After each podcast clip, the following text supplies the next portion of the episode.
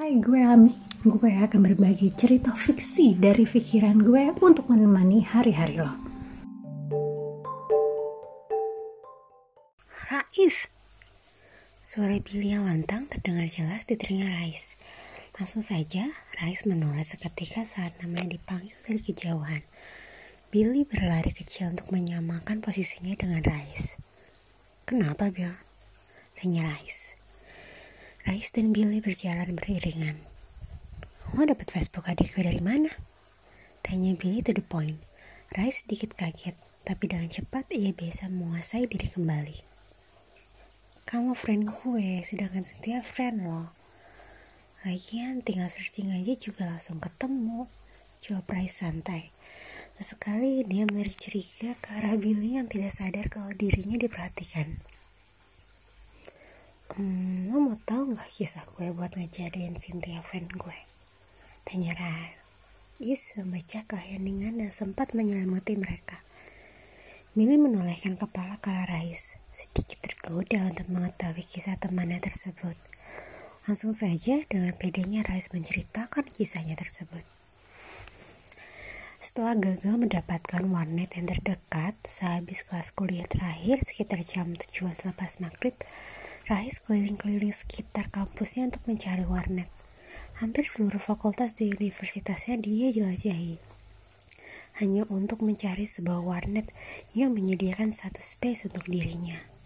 Akhirnya setelah satu setengah jam keliling-keliling mencari warnet yang gak penuh, Rais pun menemukan warnet idamannya. Warnet yang menyediakan satu space untuk ngenet bagi dirinya. Warnet yang space-nya benar-benar kosong tanpa penghuni yang dengan sengaja meninggalkannya untuk ke kamar kecil. Warnet yang cepat dan harganya memenuhi kantong Rais per jamnya saat itu. Warnet yang jauh banget letaknya dari kampus. Rais pun masuk ke dalam warnet tersebut. Dengan perasaan yang bunga-bunga, bergembira setelah mengalami musibah yang bertubi-tubi, akhirnya sampailah ia kepada tujuannya, nge-add Cynthia hanya untuk meng-add Cynthia nggak lebih apalagi kurang. Begitulah kisah yang diceritain Rais kepada Billy yang manggut-manggut mendengarkan. Besok adalah hari terakhir dari ujian semester Cynthia setelah kurang lebih hampir semingguan Cynthia menghadapi ujian. Malam itu, Cynthia merasa malas untuk menyentuh buku pelajarannya, malas untuk membaca tulisan-tulisan hitam di buku pelajarannya tersebut malas untuk memasukkan kata-kata dalam buku pelajaran ke dalam kepala. Inilah sindrom yang biasa melanda para siswa di hari terakhir ujian. Cynthia mengambil buku latihan-latihan soal dari dalam tas. Daripada capek membaca buku yang tebal-tebal parah, lebih baik mengerjakan soal. Tiga jam sudah berlalu. Cynthia tidur terlentang di kasurnya. Soal-soal sudah selesai dikerjakan. Dengan segera, Cynthia masuk ke kamar mandi untuk menyikat gigi dan mencuci muka. Seselesainya melakukan rutinitas sebelum tidur, seperti biasa, Cynthia mengeringkan wajahnya pada handuk yang tergantung di pintu. Cynthia beranjak keluar dari kamar mandi. Entah mengapa pandangannya terarah kepada ponsel yang ia letakkan di atas meja rias. Sempat ada rasa tertarik untuk memeriksa inbox message-nya memeriksa apakah Rais membalas WhatsAppnya atau tidak. Namun segera diurungkan kita tersebut, ditepisnya segumpal perasaan yang merayap masuk ke dalam perasaan. Dengan cepat, Cynthia kembali naik ke atas kasur. Selesai, gila, badan gue pegal-pegal semua, akhirnya gue bisa istirahat. Seru Cynthia. Seperti biasa, Cynthia bersama tiga orang sahabatnya yang lain, Gaudi, Yama, dan Urda, berjalan ke arah parkiran mobil. Dan seperti biasa juga, Yama dan Cynthia numpang naik mobil Gaudi, sedangkan Urda mengendarai motornya sendiri. Sesampainya di parkiran, keempat orang tersebut ngobrol sebentar. Duh, liburan semester rencana kita apa nih? Gaudi mulai buka percakapan liburan liburan. Belajar lo semua. Uan tahu bentak Urda kepada teman-temannya. Nyantai dunda. Refresh dikit apa? Seletuk Yama diam sebentar. Tampak beberapa di antara mereka berpikir sejenak. Kita pada ke pantai yuk, nginep dua hari, habis itu kita jalan-jalan di kedufan, seru Gaudi. Hmm, kayaknya gue punya voucher gratisan deh. Besok nih gue kabarin lagi, gue tanya ke bokap dulu ya. Kalau emang ada, sekalian aja kita planning rencana liburan kita. Usulnya mak. Semua mengaku setuju. Udah mengangkat tangan melihat jam tangannya. Udah udah jam segini, gue udah bimbel nih, gue duluan ya. Udah mulai menyetar motor. Hati-hati ya, ujar Gaudi. Udah mengangguk dan tersenyum sekilas dari balik helm. Motor Urda pun melesat pergi meninggalkan gerbang sekolah. Disusul ada mobil Gaudi yang juga pergi meninggalkan pelataran parkir sekolah. Cynthia sampai di rumah. Cynthia membuka pintu pagar rumahnya dan menutupnya kembali. Suasana rumah siangnya itu sangat sepi. Tidak ada tanda-tanda rumah itu dihuni kalau saja tidak ada mobil yang terparkir dan halaman rumah yang terawat dengan baik. Cynthia membuka pintu rumahnya dan menaiki tangga ke lantai dua di mana kamarnya berada. Langkah Cynthia terhenti ketika dia mencium harum masakan makan siang yang sudah Anti masakan untuknya. Cynthia memutar haluan, mengganti tujuan perjalanan dari kamar di lantai dua menjadi meja makan. Cynthia membuka turun saji dan melihat lauk pauk yang masih berasap-asap, tanda baru saja selesai dimasak. Cynthia mengambil piring dan mengambil nasi secukupnya. Dengan pandangan kelaparan, Cynthia mengambil yang telah disajikan oleh Bianti. Selesai mengambil makan siang, Cynthia kembali pada tujuan semula. Kamar tidur. Udara dingin dari AC kamar menerpa wajah dan tubuh Cynthia dengan nyaman. Sejuk terasa ketika Cynthia masuk ke kamarnya setelah ia berpanas-panasan pulang dari sekolah. Cynthia meletakkan makan siang yang baru saja ia ambil di atas meja riasnya yang tertata rapi. Cynthia meletakkan tasnya pada tempatnya dan mengganti baju dengan baju sehari-hari yang biasa ia kenakan di rumah. Cynthia memberi salam kepada tempat tidur dengan cara berbaring dengan nyaman di atas kasur rumpuk itu. Setelah itu, Cynthia mulai menyalakan komputer untuk internet dan setelah pulang sekolah. Sambil menunggu komputer menyala seutuhnya, Cynthia menyantap makan siang dengan duduk mencangkung di atas kursi di depan komputernya. Langsung saja setelah komputer menyala seutuhnya, Cynthia mengkonek komputer dengan sambungan internet. Ya, seperti anak muda lain, Cynthia buka Facebook, Instagram, YouTube, apa pun sosial media yang ada saat ini. Terlihat sebuah pesan pada wallnya di Facebook. Karena penasaran, Cynthia membaca pesan barunya tersebut dengan perasaan terkejut dicampur senang. Soalnya, tanpa disangka-sangka, yang mengirim pesan itu adalah Rais. Sangat tidak sangka-sangka. Big surprise for Cynthia. Cynthia mulai membaca pesan yang cukup singkat dari Rais. Walaupun isinya cuma sekedar say hello dan menanyakan kabar Cynthia, tapi bagi Cynthia itu lebih dari cukup. Pesan tersebut menandakan kalau Rais masih ingat sama dia. Apalagi ditambah dengan kata-kata kalau kamu udah selesai semesterannya, kita kontak-kontakan lagi ya. Menambah kebahagiaan Cynthia. Cynthia membuka laci dan mengambil handphone yang tergeletak begitu saja di atas meja. Untuk pertama kali sejak dinonaktifkannya ponsel tersebut, Cynthia langsung mewhatsapp Rais tapi durungkan lagi liatnya. Antara malu dan egonya itu bertaruh sengit di lubuk hati. Akhirnya ego yang menang. Kalau misalnya dia yang perlu, dia aja yang nelfon. Pikirnya Cynthia sambil meletakkan kembali handphone itu di atas meja. Cynthia kembali menekuni Facebook, membuka notification yang ada, lalu membuka sosial media yang lain. Setelah itu, main game favoritnya dia. Sambil tetap menunggu menunggu dengan pasti. Menunggu ringtone handphone berbunyi mengalun lembut manggil Cynthia. Menunggu sesuatu yang gak pasti itu ada atau tidak di dalam hatinya. Bill, sini lo. Teriak Rice berteriak memanggil Billy dari jauh. Sambil duduk di bawah pohon beringin besar yang memancarkan aura mistis di siang hari Billy yang sedang mendiskusikan tugas presentasi kelompoknya itu menoleh dengan muka kesal. Kelihatan sekali kalau Billy gak suka kalau sekarang dia diganggu. Semuanya terlihat dari raut wajahnya yang ketukuk-tekuk. Tapi memang dasarnya Rais gak peka dan keadaan temannya yang lagi sibuk. Dengan santai dia melambai-lambaikan tangan memanggil Billy. Billy terpaksa permisi sebentar kepada kedua teman sekelompoknya. Bentar dulu ya, dipanggil orang freak. Jelas Billy. Dengan tambah cemberut, Billy berjalan mendekati Rais yang sedang duduk dengan santai bersender ke pohon sambil cengar-cengir gak jelas.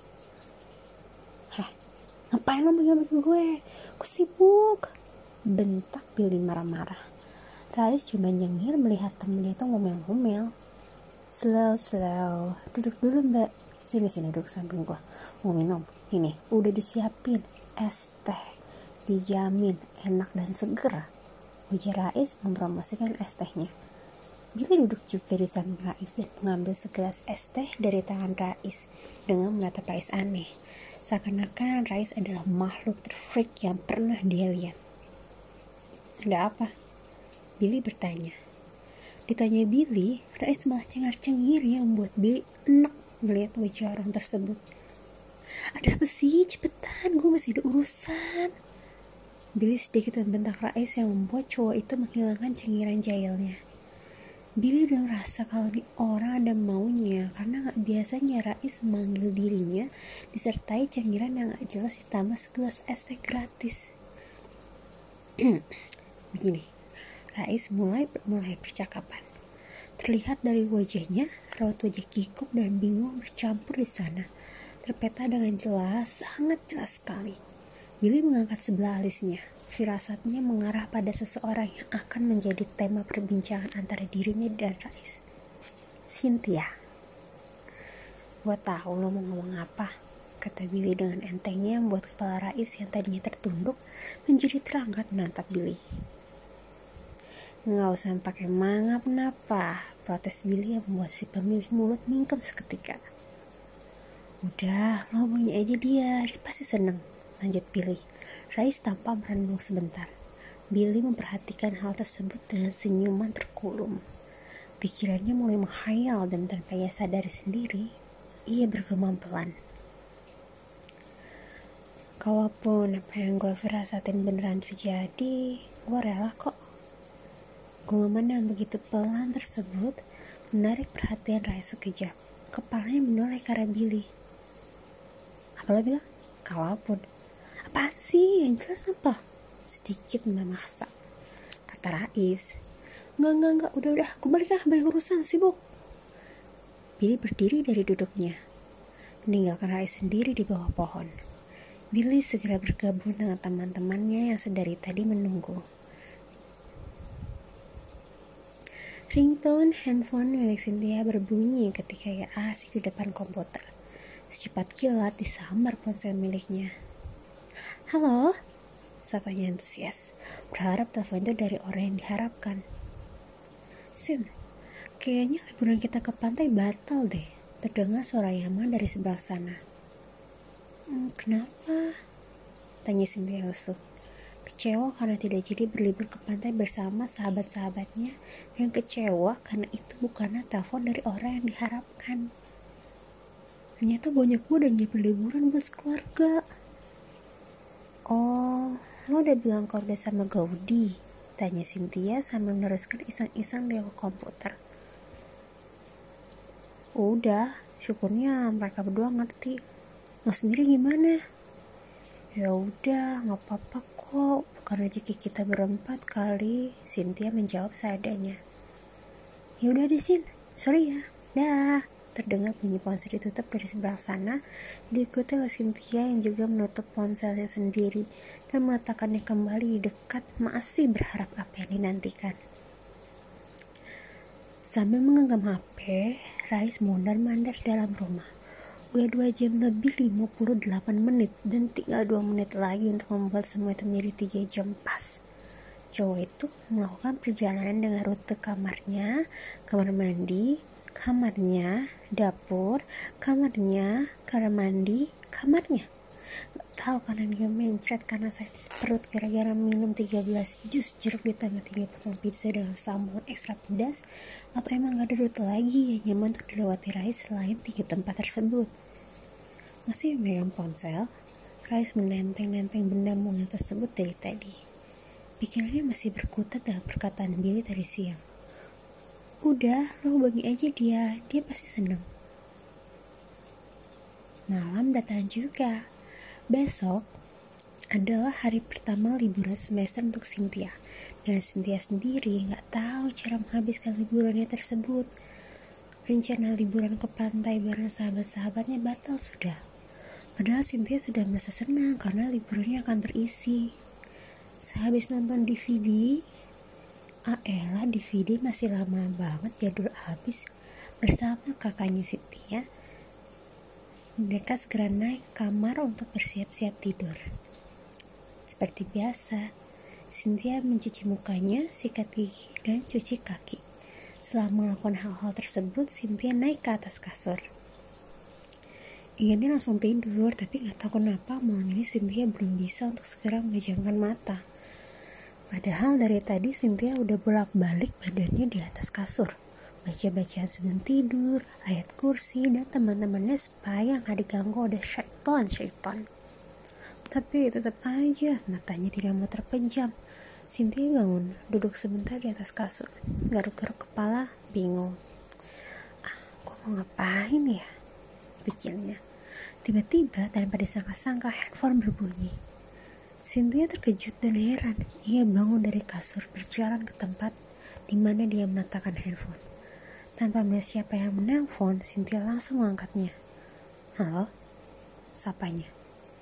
Tidak ada jawaban dari seberang. Halo? Sekali lagi Cynthia menyapa. Kali ini dengan nada yang sedikit keras. E, ya halo? Akhirnya si penelpon itu menjawab sapaannya juga. Seorang cowok. Cynthia nggak bisa mendengar siapa yang menelponnya malam-malam begitu. Siapa ya? Tanyanya balik. Ini gue, Rais. Terdengar jawaban dari sana. Cynthia kaget saat mendengar kata Rais yang diucapkan oleh si penelpon. Sorry, kemalaman nelfonnya? Tanya Rais kepada Cynthia. Oh, enggak, enggak apa-apa. Kok belum tidur kok? Jawab Cynthia. Rais sedikit bersyukur karena Cynthia gak merasa terganggu oleh teleponnya. Ternyata gak sia-sia pengorbanannya malam itu hanya karena bingung untuk menelpon cewek ini. Rais mondar mandir dalam rumah selama 3 jam. Akhirnya dengan santai dan rileks mengalirlah percakapan hangat antara Rais dan Cynthia. Tanpa kenal batasan waktu, mereka berdua tetap mengobrol dengan nyamannya. Sudah enam hari Cynthia melewati hari liburnya yang bisa dibilang ada liburan yang spesial. Kebingungannya di awal liburan hilang udah. Selama enam hari ini, Cynthia menghabiskan waktunya bersenang-senang bersama Rais. Walaupun kebanyakan dihabiskan hanya untuk telepon-teleponan di kamar. Bertemu hanya dua kali, hari Selasa dan Rabu, karena di hari tersebut Rais gak sibuk kuliah dan kerja. Rencananya hari minggu besok Cynthia mau menemani Rais ke pembukaan pameran foto temannya sekitar jam 4 sore. Cynthia tentu aja bersedia karena ajakan itu adalah ajakan Rais yang pertama kali. Dengan tampang yang bisa dibilang polos dan sedikit malu ditambah dengan rasa percaya diri yang kurang, Rais mencoba mengajak Cynthia untuk menemani dia. Saat Rais berbicara untuk mengajaknya, jujur Cynthia tidak mendengar jelas apa yang dikatakan Rais. Yang terdengar hanya gumaman gak jelas kayak orang baca mantra. Sampai-sampai Cynthia harus mendekatkan kepalanya ke mulut Rais yang spontan membuat Rais memundurkan kepalanya juga. Akhirnya, dengan intonasi yang benar, Rais bisa berbicara dengan jelas ke Cynthia yang langsung diiakan oleh Cynthia. Rais langsung tersenyum sumringah dan mengacak-acak rambut Cynthia yang disambut dengan pukulan ringan ke tangan cowok tersebut. Setelah mengikat rambutnya, Cynthia segera keluar dari kamar sambil telepon. Sorry di, gue gak bisa. Besok gue ada acara. Jawab Cynthia menolak ajakan Gaudi untuk jalan bareng besok. Sekalian hmm. menghabiskan sisa hari terakhir liburan mereka. Jadi gak bisa ya? Tanya Gaudi kembali sedikit kecewa. Hmm, Jawab Cynthia sambil menggelengkan kepalanya sendiri yang sudah menjadi kebiasaannya ia yakini Gaudi pasti tahu walaupun Gaudi gak melihat sendiri emang ada cara apa sih Sin? masa nyimpen rahasia sama sahabat lo sendiri? kata Gaudi yang sedikit bernada manja Pesan pelan terdengar dari Cynthia. Rais, Jadi gimana ceritanya? Tanya Gaudi yang udah standby duduk di kasur Cynthia sambil memeluk boneka kucing Cynthia yang cukup gede. Cynthia membalik kursi yang ada di depan meja komputernya. Sambil mencari posisi yang enak, Cynthia duduk sambil memeluk bantal kecilnya. Gaudi langsung datang ke rumah Cynthia setelah mendengar nama Rais yang Cynthia sebutkan sebagai alasan kenapa Cynthia nggak bisa pergi bersama dirinya dan teman-teman yang lain. Ternyata nama Rais menyimpan kekuatan yang membuat Gaudi rela pergi berkunjung ke rumah Cynthia. Rahasia di balik hubungan antara Cynthia dengan cowok yang gak dikenalnya itu menggelitik rasa ingin tahu Gaudi. Seperti yang udah gue kasih tahu kalau semua, dia itu teman kakak gue, gak lebih. Gaudi memandang ke dalam bola mata Cynthia, memandang lebih dalam mencari tahu apa gerangan yang terjadi sebenarnya antara Cynthia dan si Rais ini. Lo suka ya sama dia? Tanya Gaudi spontan. Tentu saja mendengar hal yang gak disangka-sangka dari Gaudi. Cynthia kaget setengah mati. Sampai-sampai air putih yang lagi diminumnya nyembur keluar dari mulut. Gaudi langsung menyingkir dari tempat duduknya menjauhi area menjeratan maut Cynthia. Apaan sih nih? Mau aja kalau ngomong. Ujar Cynthia sewot sambil mengelap mulutnya yang basah. Ngawur gimana? Wajar kan kalau misalnya seorang cewek dan seorang cowok saling suka, saling jatuh cinta. Jadi apa yang ngawur coba? Gaudi mulai berargumen. Cynthia diam mendengar argumen yang dilontarkan Gaudi. Dia memikirkan perkataan Gaudi sambil mengelap tepian tempat tidur yang basah terkena semburan. Hmm, saling suka saling jatuh cinta. Gue sama Rais gak gak, gak mungkin lah dia nasir gue walaupun hmm, Cynthia tidak melanjutkan perkataan dari batinnya. Lebih tepatnya Cynthia takut untuk melanjutkan perkataan batinnya yang bisa membuat dirinya sakit. Hatinya sakit dan semua indranya sakit udah nanti lagi besok dia cuma minta gue nemenin dia ke pembukaan pameran foto temennya kok. Nggak ngapa-ngapain. Ujar Cynthia. Sedikit lebih pelan dan kalem dari yang tadi. Apa janjian dia yang suka lo? Cynthia diam sebentar mendengar perkataan Gaudi. Isi kepalanya kembali mencerna kata-kata yang Gaudi ucapkan. Rai suka gue. Unbelievable Cynthia melempar tisu yang basah ke tempat sampah. Cynthia pun duduk tepat di hadapan Gaudi. Cynthia mendekatkan wajahnya ke arah Gaudi membuat Gaudi sedikit bergidik. Enggak mungkin, ujar Cynthia dengan nada yang pelan, datar dari intonasi yang sangat jelas. Setelah mengucapkan dua kata tersebut, Cynthia menjauhkan wajahnya dari hadapan Gaudi yang mati kutu. Saking tegangnya melihat tingkah Cynthia. Dengan santainya, Setia meninggalkan kamar disusul teriakan Gaudi. Kenapa nggak mungkin? Selalu ada bantuan invisible hand untuk kita. Cynthia tidak menoleh. Membiarkan perkataan Gaudi tentang invisible hand yang memenuhi otaknya. Cynthia tetap berjalan keluar dari kamar. Sin, tunggu dong, seru Gaudi. Kali ini sambil bangkit dari kasur Cynthia dan setengah berlari kecil menyusul si empunya kamar.